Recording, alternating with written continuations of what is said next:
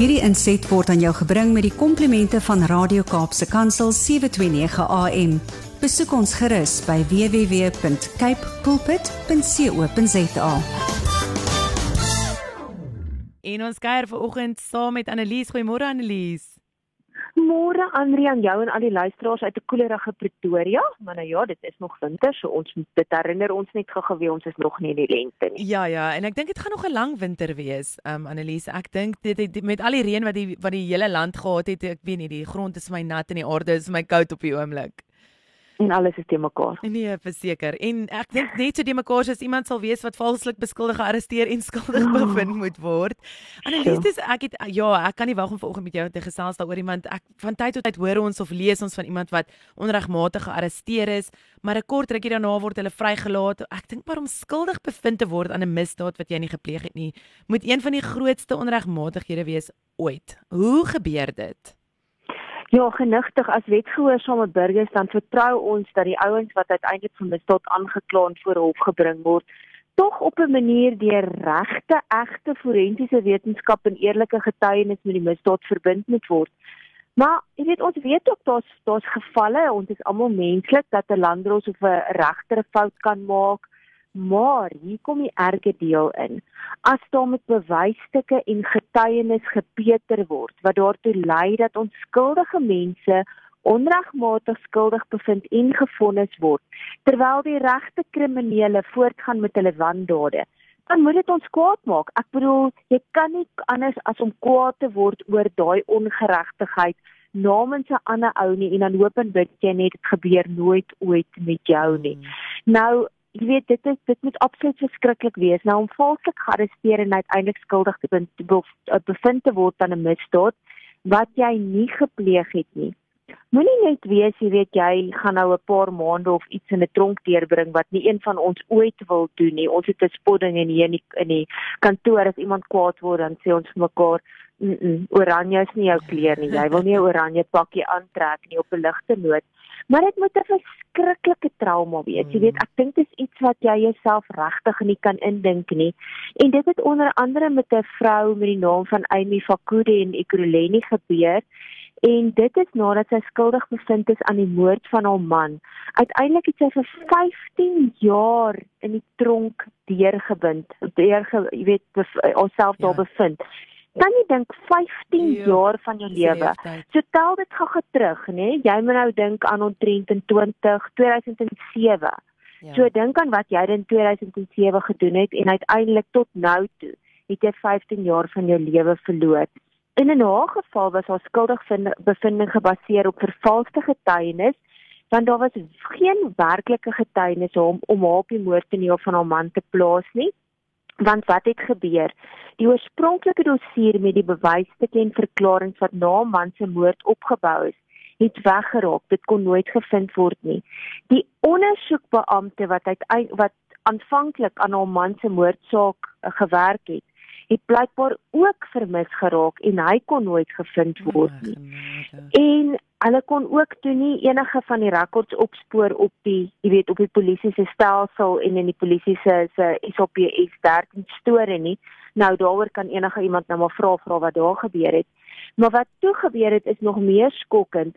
Daar's 'n hele nuwe dossier opgebou met vervalste bewysstukke en verklaringe om haar op die moord te toneel te plaas en volgens Amy is van die getuies gedwing of voorgesê om vals getuies af te lê wat 'n misdaad natuurlik op sy op sy eie is. Ja. En volgens haar is daar van hierdie ouens wat selfs R25000 elk betaal is om dit te doen. Nou wie dit betaal het, kan ek ook nie vir jou sê nie. Ek het my eie afleidings wat hom maak, wat ek kan maak. Sy is vir 35 jaar aanvanklik skuldig, uh, jy weet tronk toe gestuur maar sy het geappeleer en toe sal vonnis verlaag tot 25 jaar, maar na 15 jaar is sy uiteindelik op parol vrygelaat.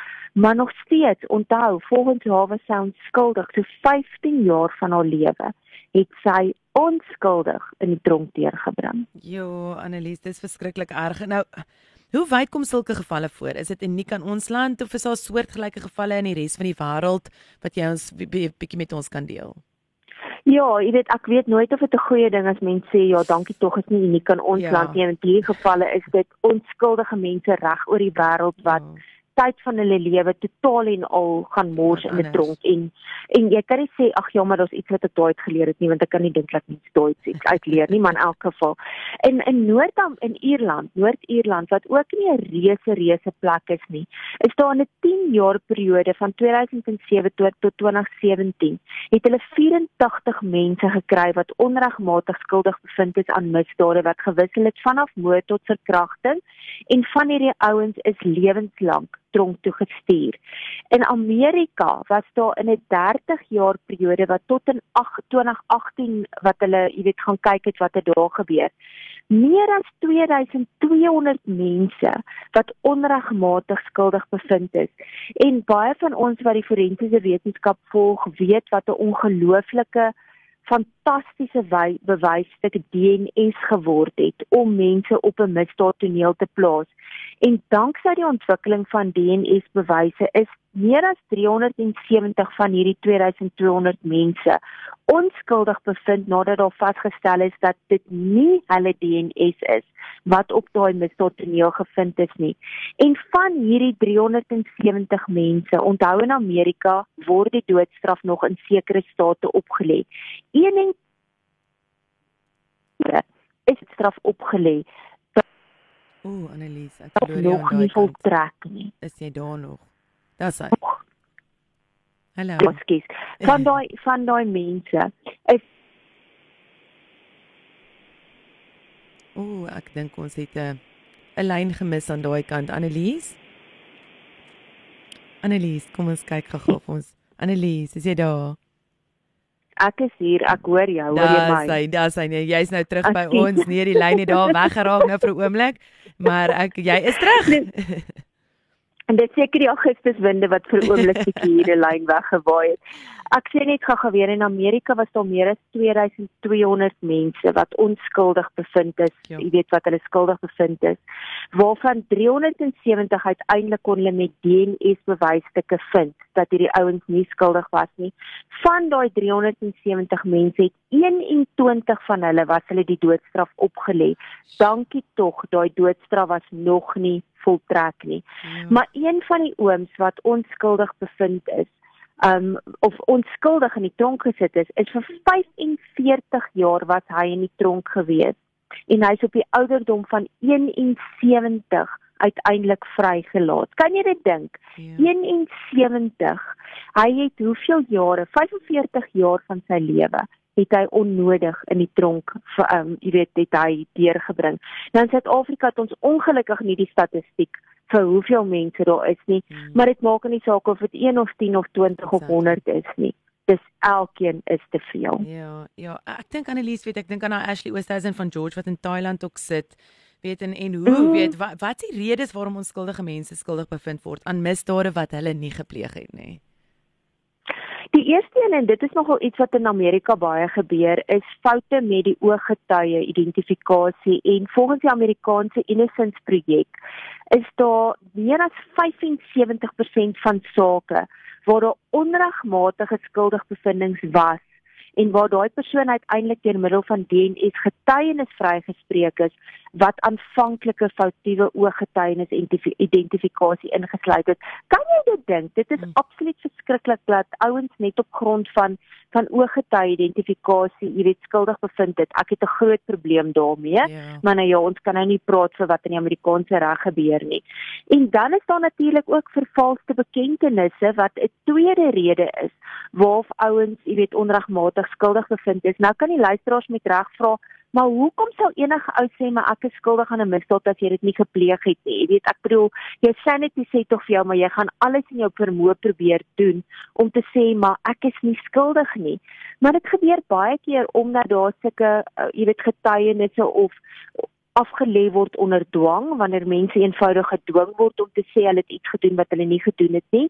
Wanneer 'n persoon 'n onregmatige vermoë, jy weet 'n gebrek gebrekkige vermoë het om te verstaan waartoe hy instem in gevalle waar 'n persoon 'n sekere geestestoestand het en net op daai oomblik dalk nie besef wat hy sê nie of wanneer die reg verkeerd verstaan word. Partykeer is mense onder die invloed van dwelms of alkohol en dan lê hulle 'n bekentenis af of daar's natuurlik ook gevalle waar die polisie, jy weet, geweld gepleeg het teenoor hierdie ou of waar mense eenvoudig die polisie vrees of waar hulle die situasie totaal en al verkeerd verstaan waar dit kan lei tot vervalste bekendtenisse. En dan staan natuurlik die ding waaroor niemand gaan twyfel nie in sekere plekke waar daar eenvoudige swak of patetiese of gebrekkige of geen polisie ondersoek werk was nie waar daar gebrekkige forensiese getuienis en bewysstukke was of waar daar wangedrag of onprofessionele optrede deur die staatsanklaers of die vervolging vervolgingsgesag was of deur ekspert getuienis soos 'n patoloog wat eenvoudig nie heeltemal sy werk gedoen het soos hy dit moet gedoen het nie of waar die jy weet iemand hom betaal het om sekere goed te sê of te bevind wat nie die waarheid is nie. Met ander woorde dis onetiese gedrag of waar die polisiebeampte self onetiese gedrag, eh, jy weet, gepleeg het of pleeg en wat daar wat dit uiteindelik kan lei tot gedwonge of vervalste verklaringe waar daar met fisiese bewysstukke gepeter word of waar dit gekontamineer word waar daar goeder neergesit word op 'n toneel wat eenvoudig niks met daai toneel uit te waai het nie of waar daar getuie dan nou uiteindelik gedreig word of voorgesê word wie om te identifiseer byvoorbeeld by identiteitsberade. En dan laastens 'n realiteit is dat baie mense eenvoudig nie die geld het om vir 'n oordentlike verdediging te betaal nie. Hmm. En ek dink aan die Fred van der Vyver um situasie destyds met die Ingelot misdaad wat tot vandag toe nog nie op nie opgelos is nie. Sy ouers het gelukkig die geld gehad om oordentlike verdedigingsadvokate te kry om uiteindelik sy onskuld te kon bewys.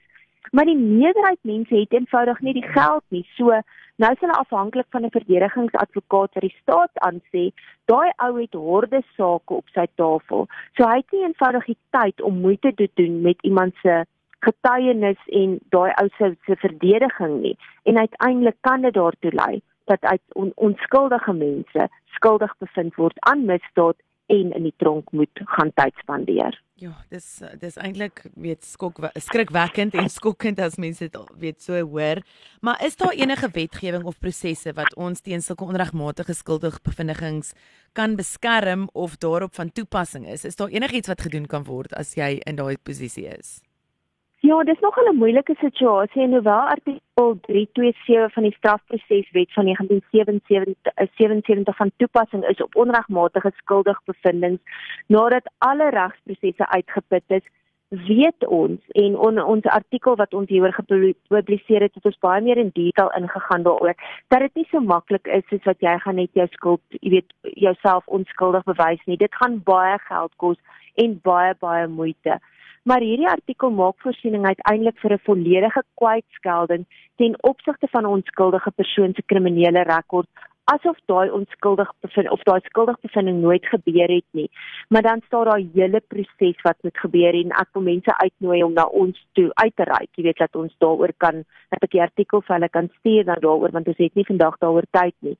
Maar daar's wel dan minder ernstige misdade wat ouens wel pleeg, soos byvoorbeeld kom ons sê nou maar shoplifting. Dat as jy skuldig bevind is daaraan na 'n 10 jaar periode dan kan jou kriminele rekord kan jy dit kan dit van jou vrygeskeld word.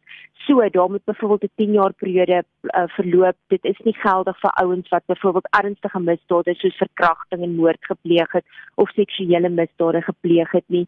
As jou um skuldig bevinding in die be begin met 'n opsie van 'n boete ingesluit het of ook 'n opsie van 'n boete ingesluit het minder as 'n sekere bedrag, dan kan jy aansoek doen vir sekere sekere vryskeldings.